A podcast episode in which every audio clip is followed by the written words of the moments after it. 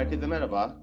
Velvele Podcast serisinin uzun, upuzun bir aradan sonra yeni bir bölümüyle karşınızdayız. Ben Baver, karşımda yine Ari var. Ari nasılsın? Merhaba Baver'cim, iyiyim. Sen nasılsın inşallah? Ben de iyiyim. Şükürler olsun. Hala ölmedik. Bu yılda henüz bir hastalığımız yok galiba. Bilmiyorum. Yani bu felaketler zincirinde e, nasibimize düşenler şimdilik şükredeceğimiz kıvamda ilerliyor. Bir aksilik oldu. Değil mi? Evet. Gerçekten çok iç, iç açıcı bir giriş oldu gerçekten. Yani aylar sonra kaydettiğimiz bir cenaze merasimi olmak. Dua istediler diyeceğim. Onlar da yani. Neyse evet şimdi o kadar kendimizi düşürmüyoruz tabii yani şey. Bir Nil Kara İbrahim gibi il, ama neydi adı? Nil Kara İbrahim gibi bir davranmadı ama e, bu uzun arada neler olduğunu neler yaptığımızı, hayatın nasıl ilerlediğini ve biraz da hmm, bütün bu süreçlerden nasıl etkilendiğimiz üzerine konuşmak istiyoruz. Çünkü Ari ile birkaç gün önce fark ettik ki çok uzun süredir aslında teknik şeyler dışında birbirimizin hal hatırını pek sormamışız.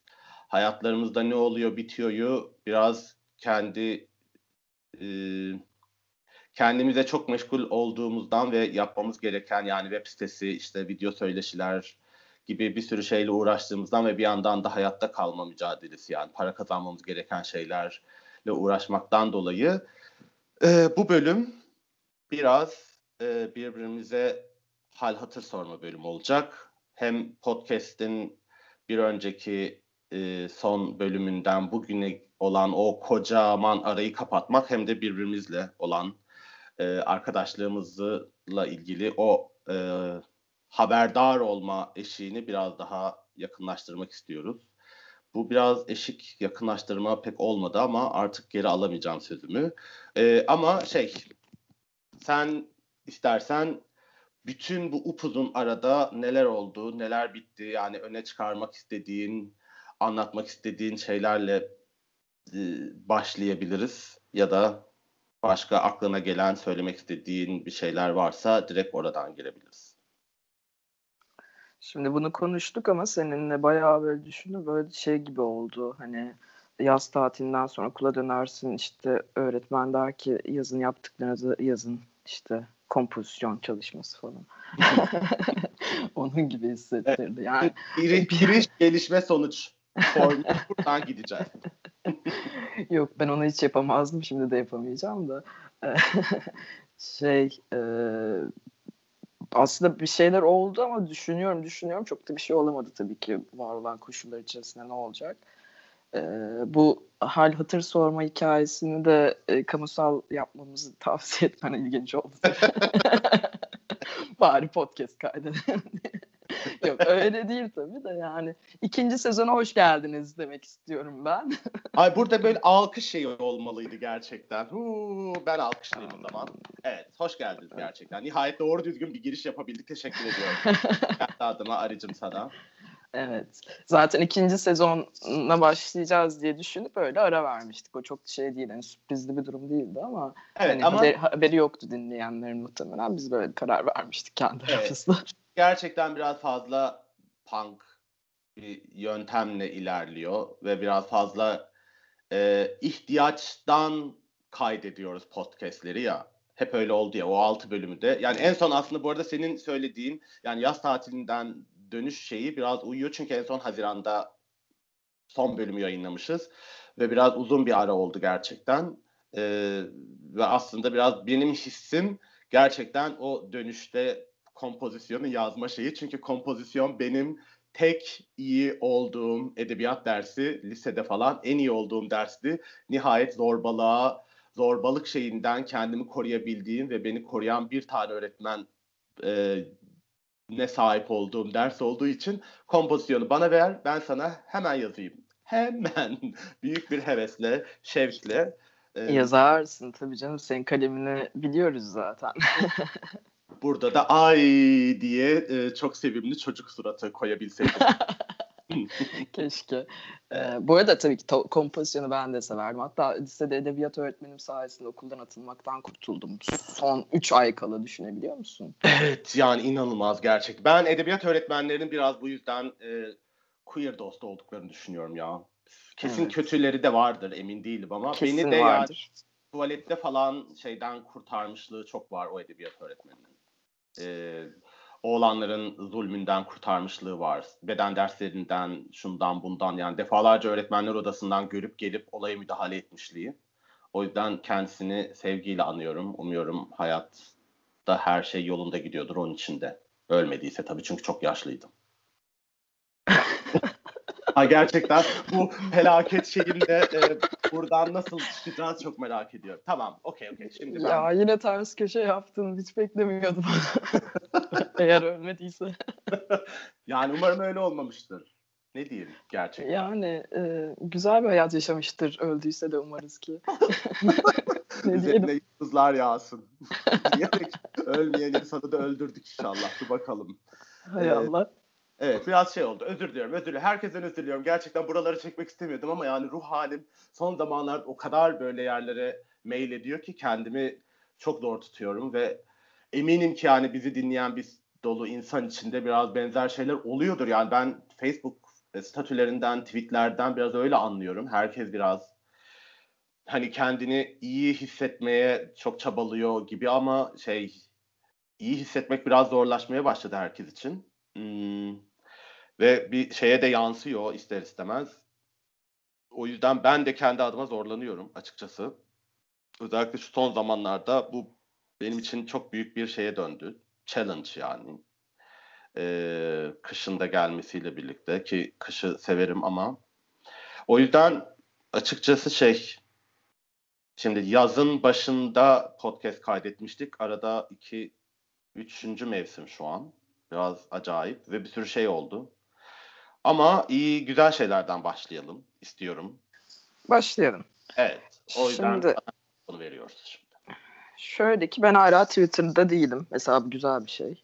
Evet. Ya tak çok takdir ediyorum. Nasıl bunu becerebildin? Yani ucundan döndüm. Böyle Eylül, Eylül, Ekim gibi neredeyse girecektim Twitter'a. Sonra yo no yapmayacağım bunu. Evet. Ee, isabetli bir kararmış. Sonra yine ortalık karıştı orada zaten. Evet. Ama şey gibi yani paralel evren gibi ya orada bir şeyler yaşanıyor ama insanlar gündelik hayatta bundan bahsetmiyorlar. Sadece orada konuşuyorlar falan. Bazen. Evet bir de kıyamet kopuyor aslında. Zannediyorsun ki böyle şey Fransız devriminin şey ayak sesleri. Ondan sonra bir bakıyorsun başka bir platforma geçiyorsun. Yok yani şey bambaşka gerçeklikler sürüyor ve Twitter sanki yani Doğu Perinçek falan gibi konuşmak istemiyorum ama yani bizim gazımızı alıp alıp aslında e, kuzu kuzu hayatlarımızı sürdürmemize vesile oluyormuş gibi geliyor. E, senin mesela çünkü mesela ikimiz hani sık iletişim kuruyoruz ve ben mesela sana Twitter gündeminden bahsediyorum ve senin o Allah'ım iyi ki orada değilim bakışların çok kıskanıyorum gerçekten. Çünkü ben düştüm yine ya 5 yıl aradan sonra yeniden Twitter'a ve bilmiyorum garip garip ilerliyor her şey ya. Ya tabii ki şey de var işte o yüzden neredeyse giriyordum dedim. Çünkü yani zaten sosyalleşme alanı yok hiçbir şey yok. Bir şeyleri takip ediyorsun yani pasif izleyici veya dinleyici olarak. Orada aktif bir iletişime girme e, imkanı sağladığı için güzel bir şey bir yandan tabii bu koşullarda özellikle ama yani şeyi de düşünüyorum. Ay çok iddialı bir laf edeceğim ama yani Türkiye'de hala yasaklanmadığına göre çok da bir işe yaramıyor politik anlamda. yani Yoksa bir- yasaklanırdı yani. Evet ama bir bir şey yani yolu yapılıyor gibi duruyor şimdi. O biraz o iş biraz sosyal medya ile ilgili biraz şey oldu ya temsilci açmaları istendi. Twitter galiba reddetti, açmayacak falan. Biraz o işler önümüzdeki süreçte zaten nasıl olacak belli değil ama ben açıkçası Twitter tam olarak nedir ya, ne yapıyorum orada deyip duruyorum. Özellikle kişisel hesabım. Ben tabii şey yani Velveli'yi açtıktan sonra Twitter hesabı açtım. Velveli için açtım aslında önce. Sonra baktım ki orası kişisel bir şeye dönmesin diye kişisel hesabımı açtım ama ben 5 yıl önce aslında Twitter'a lanetler getirerek hesabımı kapatmış ve 5 yılda korkunç ortamda da mı solumadığım için biraz iyiydim. Ve yeniden şey gibi oldu benim için böyle hmm, dejavu gibi. Çünkü gerçekten 5 e, yıl önce nelere neye sinirleniyorsam hala aynı şeylere beni sinir ediyor Twitter'da ve hala devam ediyor bunlar yani bir gram bir arpa boyu yol alınamamış gibi bir his bir yandan da ama işte hmm, dediğin gibi bir sürü şeyden de en kolay haber alabildiğin yer aynı zamanda böyle çok garip. Ben e, tam ilişkimi nereye koyacağımı hala bilemiyorum ve beni bazen zorluyor gerçekten. Yani e, insanlar zaten sadece bir tweetle e, hapse falan giriyor. Neler geliyor başlarına o ayrı bir konu da e, yine de bence Türkiye'de yasak olmayan bir şey yeterince muhalif bir politika yürütmek için yet- e, iyi bir araç olmadığı bence ortada bunca yıldır. Ee, ben yani korkunç bir denklem vardı. O yüzden evet. benim söyleyebileceğim bir şey yok yani evet. açıkçası. Çok korkunç bir denklem. Ben şimdi senin bu söylediğin üzerine şunu düşündüm açıkçası. Yani çok fazla zorbalık, ırkçılık üretilen, transfobi üretilen, kadın düşmanlığı üretilen bir platform ya aslında zaten niye engellesinler ki? Tabii canım yani zaten böyle e, serbest atış hiçbir şey yok. E, insanların hani kendi otosansürünü de uygulamayacakları bir yer. Bence gerçekten de iletişimin e, en korkunç yanının ortaya çıktığı yerlerden biri. Evet. Vah ee, vahşi, vahşi bir ortam. Vahşi bir ortam var. Çok acıklıymış. Neyse ki işte orada değilim hala. evet ya gerçekten. Şimdi burada da bir alkış daha sana. Gerçekten çok kıskandım şu an seni. Bir daha kıskandım yani. Ne güzel. Twitter'da yoksun. Ee, onun dışında ya aslında birkaç daha güzel şey oldu. Mesela e, parçası olduğum şeylerden bahsedeyim. Hani en son Haziran'ın 11'inde miydi? Haziran başı işte kayıt evet. yaptık. Sonrasında mı zaten e, tohumlar atılmış olan dönme pedal projemiz evet. hayata geçti. Ee, şey onur yürüyüşünün olmasını arzuladığımız gün her sene işte Haziran'ın son pazar günü İstiklal Caddesi'nde yürüyüş yapardık ya. O gün e, o gün bir de şey vardı sınav vardı 9'da sabah 9'dan itibaren e, sokağa çıkma yasağı olacaktı. Biz geceden cumartesi gecesinden bir araya gelip bütün prodüksiyonumuzu hazırlayıp güzel arkadaşlarımla dönme pedal ekibine de selamlar buradan. Evet. E, bir onur sürüşü yaptık. E, videosu var. Instagram'dan da takip edebilirsiniz. Beni çok e, heyecanlandıran ve yıllar yıllar sonra hani e, yaratıcı politik aktivizme tekrar umut umutlanmamı sağlayan şey oldu. Hem kolektif bir hareket olarak hem de gerçekten özgürleştirici bir şeydi ve işte pek çok açıdan çok değerliydi yani. Dönme pedalla yaptığımız şey. E, bu yılın bu oldu. en şahane şeylerinden biri ben söyleyeyim. Yani mütevazi davranmanın. Ben yani e, Velvele'nin Twitter hesabından videonuzu paylaştığımda geri dönüşlere inanamadım. Yani o kadar çok retweet edildi, o kadar çok yorum yazıldı, o kadar çok insana iyi geldi, o kadar çok izlendi ki gerçekten o pedalları çeviren ayaklarınıza helal olsun diyorum arkadaşlar. Ben de küçücük bir yerden parçası oldum. Pedal çeviremedim ama kendi, o, o da bana çok iyi hissettiriyor. Yani öyle bir şeye katkı sunmuş olduğum için. Ee, peki nasıl nasıl şey e, size geri dönüşler nasıl? Onlardan biraz belki bahsedebilirsin. Ya aslında ay bu arada tabii ki sana teşekkür edecektim. Ee, bu Zorla ettire. Evet. Ay olur mu canım yani o çünkü çok korkunç bir hızla yaptık biz bunu. Ee, hem yasak var hem vesaire hani çıkabilecek miyiz çıkamayacak mıyız istiklal sonuçta bir de e, falan filan derken yaptık neyse ki o güzel sürüşü ve çekimi ama e, şeyi düşünüyorum yani sen orada işte o metni yazmamızda bize zaten destek olmuştun. E, o metin derdimizi anlatıyor o yüzden onu şimdi tekrar tekrar söylemeyeceğim.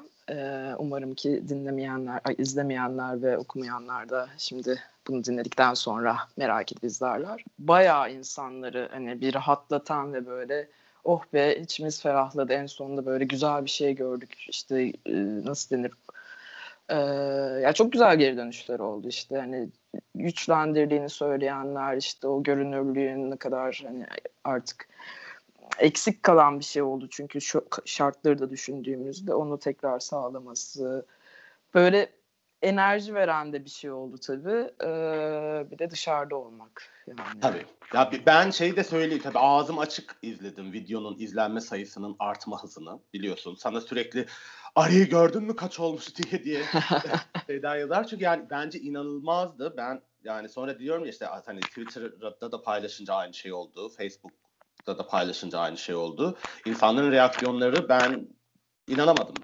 Gerçekten böyle bir şeye e, benim olur mu olmaz mı diye biraz yani şüphe şüphe demeyeyim ama hani böyle bir etki yaratır mı diye çok emin olamamıştım.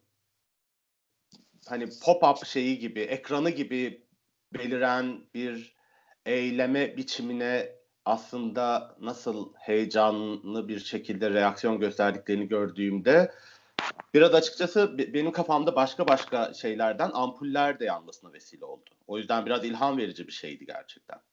Yani evet bizim için de yani dönme pedal için de ilham vericiydi aynı şekilde ve o etkileşim tabii ki çok değerli. İnsanları hani bir şekilde güçlendirici, umut verici bir şey yapmak istedik insanlar için. Yoksa biz kendimiz çıkıp sürüyoruz zaten.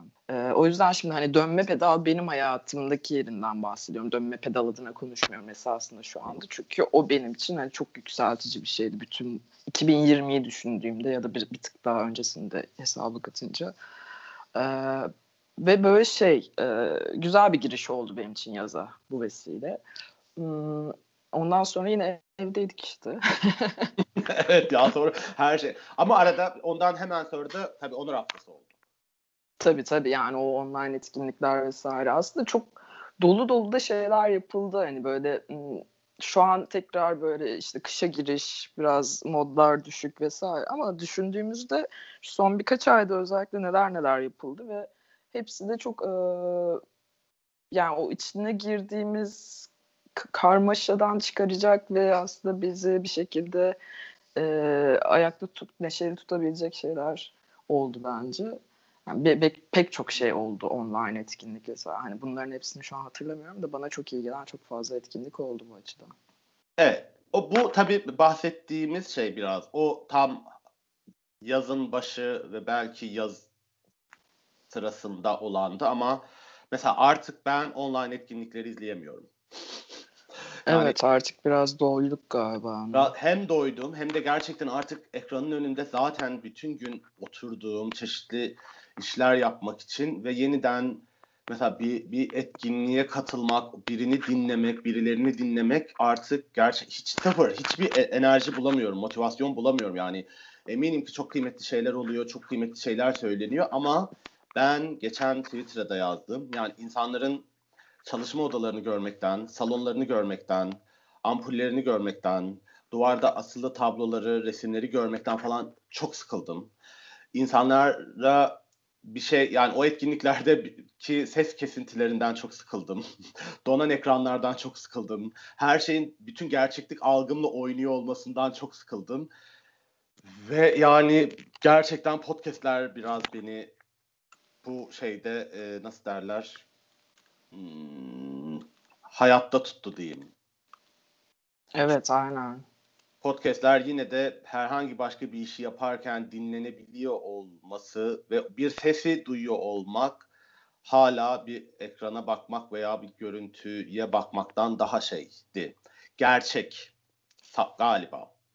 Ee, ve özellikle bizim podcast'i yapmaya karar verdiğimizde seninle birlikte biraz kafamızda hani yani zaten sohbet eden iki arkadaş iki arkadaşın sohbeti gibi olsun istiyorduk. O yüzden hiç plan ve program yapmadan gerçekten ne geliyorsa içimizden onları konuştuğumuz ve zamanla aslında insanlardan bu yönde geri dönüş aldığımız için de çok mutlu olmuştuk bunun bir şekilde karşıya geçiyor olduğundan.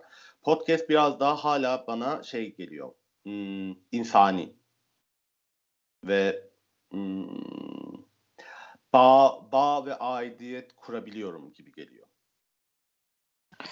Ee, ya tabii tercihler değişiyor. Yani ben de mesela şöyle düşünüyorum. Bazen oturup pasif bir şekilde dinlemek istiyorum. Bazen işte hareket halindeyken de dinliyorsun tabii ki ama bazen de izlemek falan hani değişebiliyor o bence hani anlık durumumuza göre de değişebiliyor.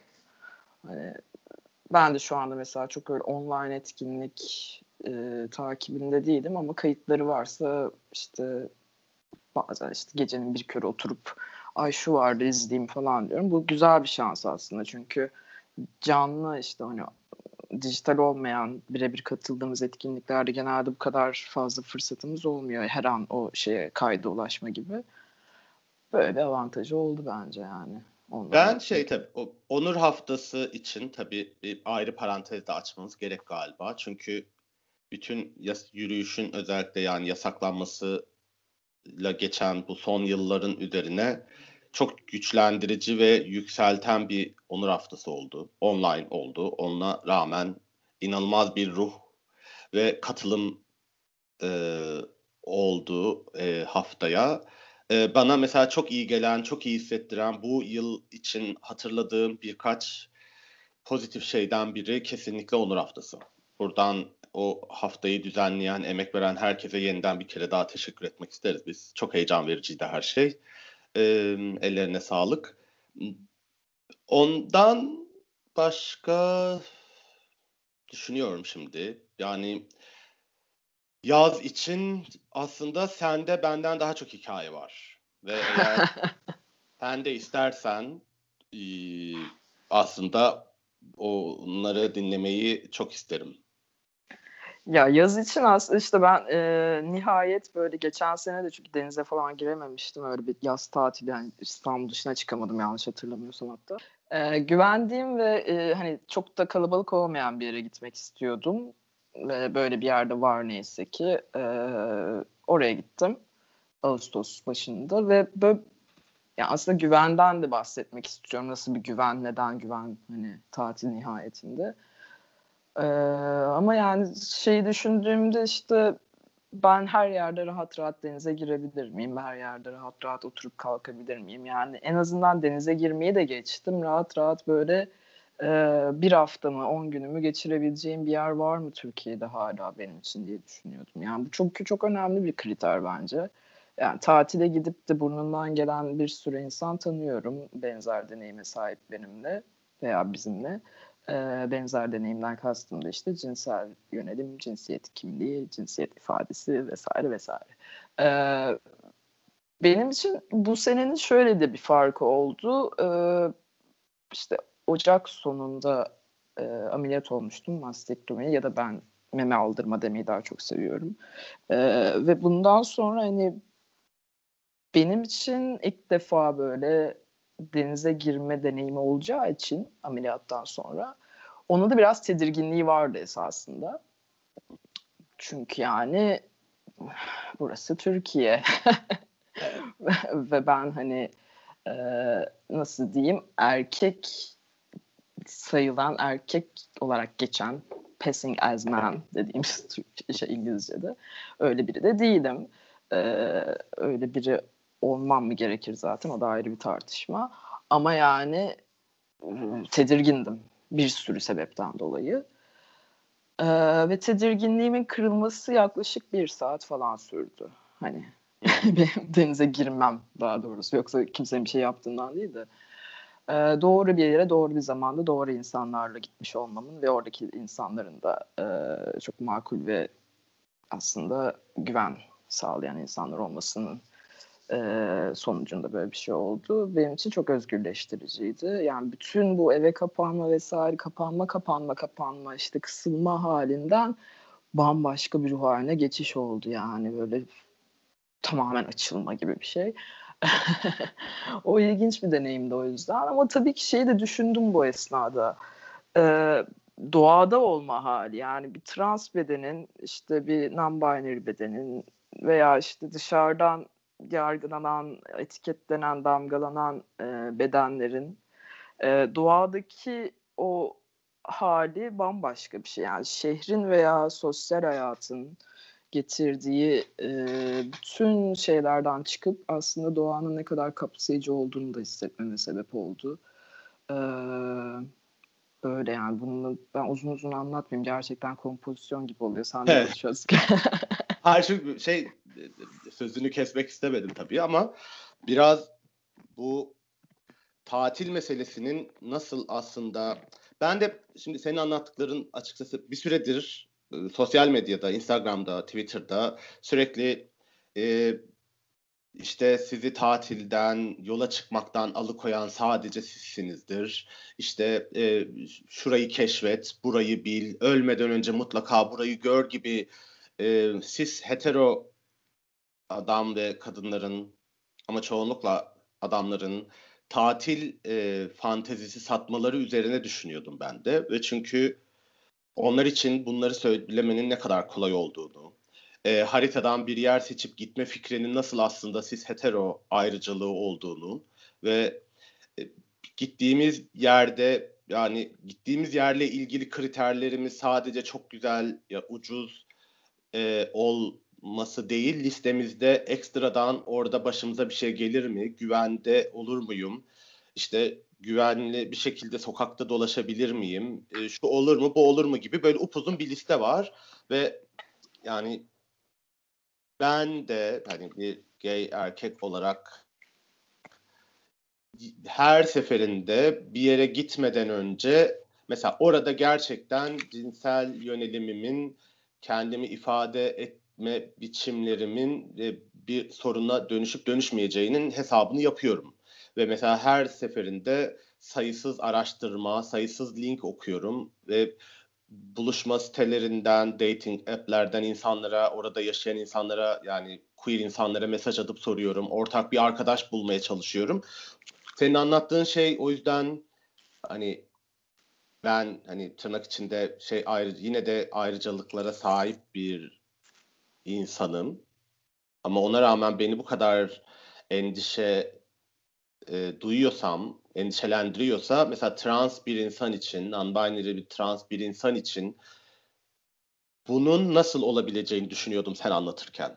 O yüzden şey, e, önce ben teşekkür ederim tabii bunu hem e, burada e, paylaştığın için. Senin adına da çok sevindim tabii ki.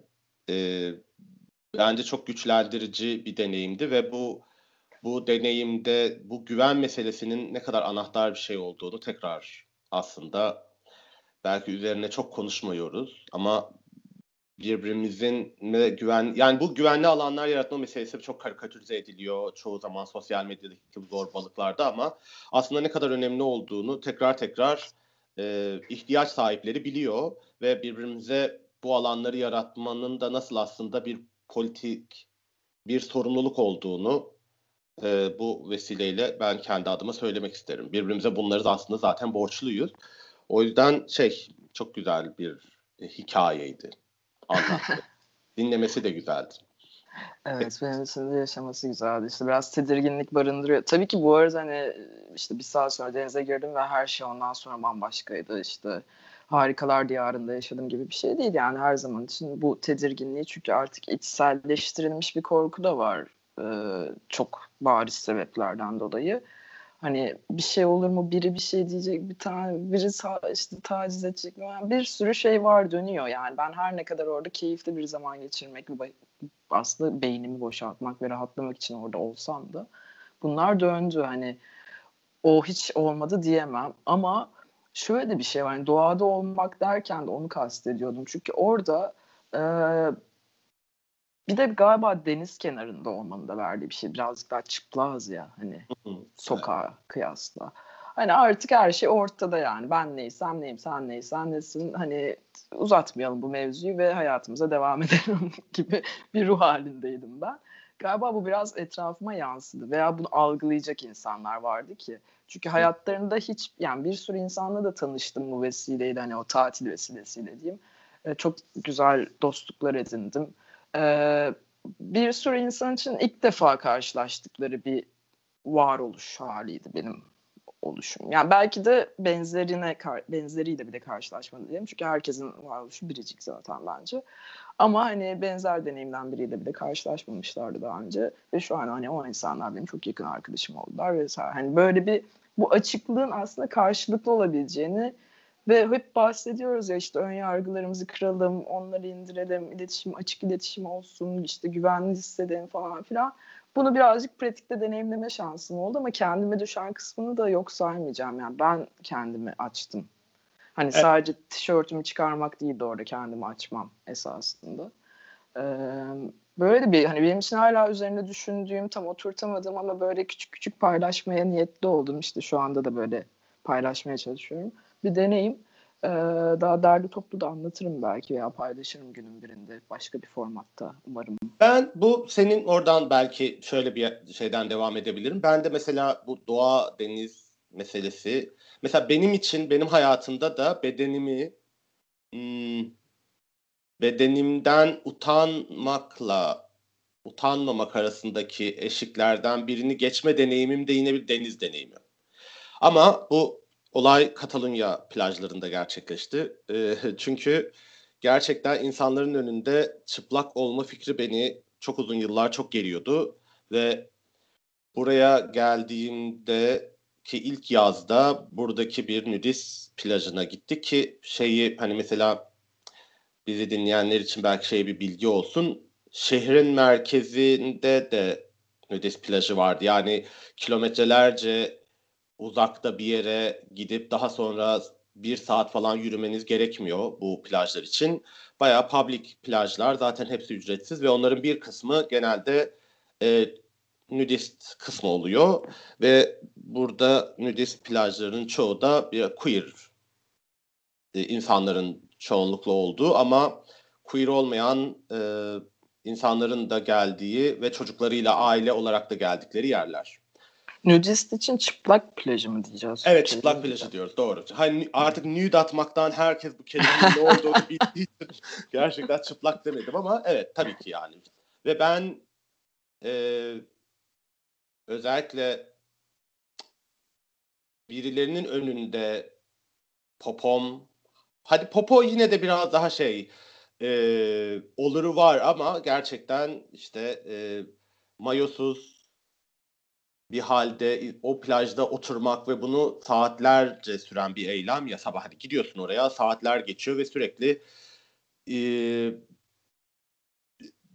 yani çok gerildiğimi hatırlıyorum bununla ilgili. Yolda mesela kocam bireyle kavga ettim. Beni niye oraya götürdüğü için. Bayağı böyle korkunç bir reaksiyon gösterdim. Bu bilgi beni çok rahatsız etmeye başladı ama daha sonra mesela her sayısız çeşit bedenin e, e, işte genitallerin hepsi hiçbiri birbirine benzemeyen o formların insanların orada rahatça oturmaları, denize giriyor olmalarıyla yavaş yavaş artık bunu yapabilirim demeye başladım ve gerçekten mesela mayomu çıkardım. Bu bir proses ve benim için çok büyük bir şeydi gerçekten. Hmm, ve as, senin dediğin şeyin yani orada mesela o plajda olmanın, denizin kenarında olmanın, arkada mesela hani çalılar, orman, yeşil alanın olması ve orada gerçekten seni yargılayan işte ne bileyim devlet, toplum, aile, o, o işte okul arkadaşların, iş arkadaşların bunlardan değil orada olmaktan mutluluk duyan ve birbirine de güç veren bir kalabalığın olması gerçekten aslında benim hayatımda nasıl bir kişisel devrime dönüştü.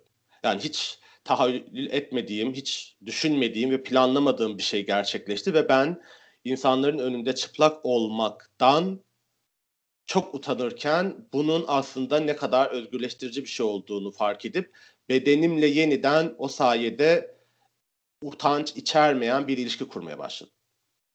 Ve bu şey benim için yani kendi kişisel tarihimi anlattığımda gerçekten bir böyle başlık olarak öne çıkardığım ve e, daha sonra mesela benim hani cinsellikle de olan ilişkimi çok olumlu etkiledi. E, kim derdi yani bir plajda olan şeyler daha sonraki yıllara da bu kadar sirayet edecek ama e, o yüzden biraz çok benzer olmasa da şey bir bağ kurabiliyorum orayla. Bu deneyimlerin nasıl aslında yine de benzer şeyler etrafında döndüğünü ve kaygıların da sonrasında o açılma, görünme ve orada olma halinin nasıl insanda benzer şeyler hissettirdiğinde e, o yüzden tebrik mi etmeliyim acaba? Tebrikler Arıcığım. Bu... ben de tebrik ederim. Ben çıplaklar, evet. çıplak plajına gitmedim. Düşünüyorum sen anlatırken ama Galiba henüz cesaret edemem ben ona. evet o, o da bir şey. Gerçekten ben de bu kadar büyütülecek ne var diye kendime kızdım ama o sırada işte kocam bireye bağırıyordum. Yani ona bağırırken ona niye bağırdığım için de kendime çok sinirleniyordum ama işte çok biraz güvensiz hissettiğinde çok hırçınlaşıyor ya insan bazen. Ben ben hırçınlaşıyorum. Okuyorum ki 7,5 milyar insanla da aynı şey oluyordur çünkü gerçekten bende hemen tırnaklarım çıkıyor ve korkunç bir savunma mekanizmasıyla acayip saldırganlaşıyorum. Ama şey bu şey benim buradaki hayatımı da yani hani buradaki queer ortamdaki hayatımı da çok şey yaptı. Hmm, dönüştürdü o deneyim. Hani partilerde işte barlarda her yerde soyunuyormuşum meğersem yani. Ay seni biraz fazla dönüştürmüş galiba. biraz topaç gibi. Ama şey güzel. Bunlar şey güzel deneyimler ve bunları anlatmak da bence şah- şahane. O yüzden bu hikayeleri anlatan herkesin bu hikayeler çok değerli. Anlatan herkes de o yüzden çok değerli. Ee, teşekkür ediyorum sana. Dinleyicilerimiz adına da. Ben de teşekkür ediyorum sana. Evet. Ee, başka ne oldu diye düşünüyorum da. Efendim? Tamam. Ben ben de seyahate gittim bu sırada ama saçma evet. Hikaye ama yine de bunu anlatacağım. Çünkü zaten bir sorumsuzluk örneği olarak bu salgının ortasında artık Ağustos ayında e, İspanya'nın İç Anadolu bölgesine gittim. bir de ya. sen kilometrelerce yürüdün değil mi? O da gittim gittim. Allah kahretmesi yani. O fena bir şey değildi. Onu tabii hiç şey yapamayacağım ama zaten daha evden çıktığımız anda neden bu yola çıktık, neden bunu yapıyorum diye diye başladım ve e, Bask, e, Santander yani Bilbao ve Bask'ın kuzeyi, onun hemen yanı, e, biraz aşağılar falan derken böyle e, Santiago yolu var. Burada bilenler bilir belki. Hatta yani Fransa'dan başlayıp Galicia bölgesinde biten bir hac yolu ve onun bir kısmı dahildi buraya. Ama çok zorlandım çünkü yani salgında geziyor olma fikri bana hiç iyi gelmedi. O sırada İspanya biraz daha sakindi durum. Daha doğrusu şöyle Katalunya çok korkunç bir haldeydi. Buraya akın akın turistler gelmişti çünkü şeyi açmışlardı ve biz de buradaki o çılgınlıktan kaçabilmek için sakin yerlere gidelim dedik ama bu gittiğimiz yerlerde İspanyol faşizminin bayrak sallayanı şehirleri oldu maalesef ki. Hmm, ve birden aslında Katalunya'da nasıl bir hmm, bubble neydi? Baloncuğun içinde yaşadığımızı fark ettim. Çünkü İspanya'nın sert gerçekliği orada duruyor ve Katalunya sınırlarını çıktığımızda LGBTİ fobi, kadın düşmanlığı, ırkçılık, milliyetçilik falan seni her yerde buluyor acayip bir şekilde. Hmm, çok güzel yani katedraller gördüm. Burgos inanılmaz muhteşem, muhteşem, muhteşem, muhteşem yani önünde saatlerce durdum. İnanılmaz bir yapı ve Valladolid'de de yine çok güzel e, mimari örnekleri vardı, evler falan ama benim için tabii ki en büyük şeyi tam bu doğa meselesinde trekking yaptım hayatımda ilk kez. İlk kez ve hmm, Guernica adlı kasabadan e, Game of Thrones'daki Dragonstone'un olduğu, çekildiği yere kadar, en kuzeyine kadar saatler süren ve gündüz saatinde e, kaç kilometre olduğunu bile hatırlamıyorum ama 20 diyeceğim. Daha fazla olabilir. Emin değilim. Ama mesela küfür ede ede, söylene söylene başladığım bu yol birden bir peygamber şeyi gibi sabrıyla evrilip e, yoğrulduğum ve sonunda gerçekten iyi ki yaptım dediğim benim bütün sakinleşememe sorunuma e, çözüm bulmuş oldum sonunda. Çünkü yürümek gerçekten yorarak seni ama bir yandan da yani zihnini temizleyerek bir ilginç bir şekilde çok şey sağaltıyor bir sürü şeyden. O yüzden benim için de şeydi yani Hmm, demek ki bütün o sinir krizleri için bir çözüm olabilir bu. Ve e, o yüzden şey biraz bu doğa meselesinin tam senin anlattığın yerden yani özgürleştirme, rahatlatma şeyinin ben de orada deneyimledim. Benim için bu yazın gerçekten en önemli şeylerinden biriydi. Trekkingci arkadaşların demesine göre gündüz saati deniz seviyesinde o sıcaklıkta yürüyüş yapmak cinayetmiş. Kocamın beni öldürme planı olabilir mi buradan diye düşünüp kendisine de sordum. Çünkü hiç akıl aklı senin bir hareket değilmiş aslında o saatlerde yürümek ama neyse ve ölmedim ve bir şekilde öğrenmiş olduk bunu. Ee, oralara o yolculuğu bir de tek başıma yaptım çünkü aramızda çok büyük bir mesafe vardı. O yüzden o koca yolculuğu tek yapmak da ilginç oldu benim için. Ee, ama üzerinde kıyafet vardı. Yani eğer konuya dönmek gerekirse e, ilginç bir deneyimdi benim için. O yüzden şey tekrarlamayı ben de mesela heyecanla bekliyorum gerçekten. Yeniden başka bir güzergahta, e, başka bir konsepte bakalım salgın müsaade ederse. Evet güzel bir deneyim olmuş senin için de. Ya bu doğa konusunda belki biraz daha konuşuruz önümüzdeki bölümlerle ki zaten devam edeceğiz. İşte ikinci sezonumuzu başlatmış olduk. Ee, punk bir podcast olarak ne zaman nasıl tekrar karşınıza çıkarız sürpriz de olacak muhtemelen. Ama artık yeni bir e, giriş müziğimiz de var. Ne deniyordu ona bağlar? Jingle mı? Bir şey Intro deniyordu? jingle. Bir şey Intro jingle. evet. evet sevgili Second Hand Underpants isimli gruptan çorladığımız e, güzel bir şeyimiz var, müziğimiz var artık. Evet. E, bundan sonraki bölümlerde başka başka şeyleri de konuşarak devam edeceğiz. Şimdi öncelikle bu bölüm biraz en başta da söylediğimiz gibi Ari ile birbirimizi güncelleme bölümü oldu. Hem de yeni bölümleri kaydetmek için motivasyon yaratma e, amacı taşıyordu. Umarım keyifle dinlemişsinizdir. E, her türlü feedback'i, geri dönüş geri bildirime açığız biliyorsunuz. Burada da söylüyoruz, konuşuyoruz hakkında. O yüzden vakit ayırdığınız için şimdi teşekkür ederiz. Yeni sezon, yeni bölümler için çok heyecanlıyız. İlk a, sezonu podcast'i işte e, bir ihtiyaçtan kaydetmeye başlamıştık. Çünkü salgınla ne yapacağımızı, bu yeni yaşam formumuzda ne yapacağımızı bilmiyorduk. Şimdi salgın meselesinde biraz daha tecrübe sahibiyiz ama bunun başka başka yeni etkileri oluyor. Ama derdimiz, niyetimiz işte normalde kendi aramızda konuştuğumuz şeyleri sizle de paylaşıyor olmak. Ee, güzel, heyecanlı ve keyifli bölümler kaydetmek için burada söz veriyoruz sevgili dinleyiciler. e, kendinize iyi bakın bir sonraki bölüme kadar. Arıcım sen de. Sen de Baber'cim. Herkes Ar- kendine ar- iyi baksın. arayı uzatmayalım. Açmayalım arayı. E, açmayalım. Kendine iyi bak. Görüşmek üzere o zaman. Herkese Hoşça selam. Hoşçakalın.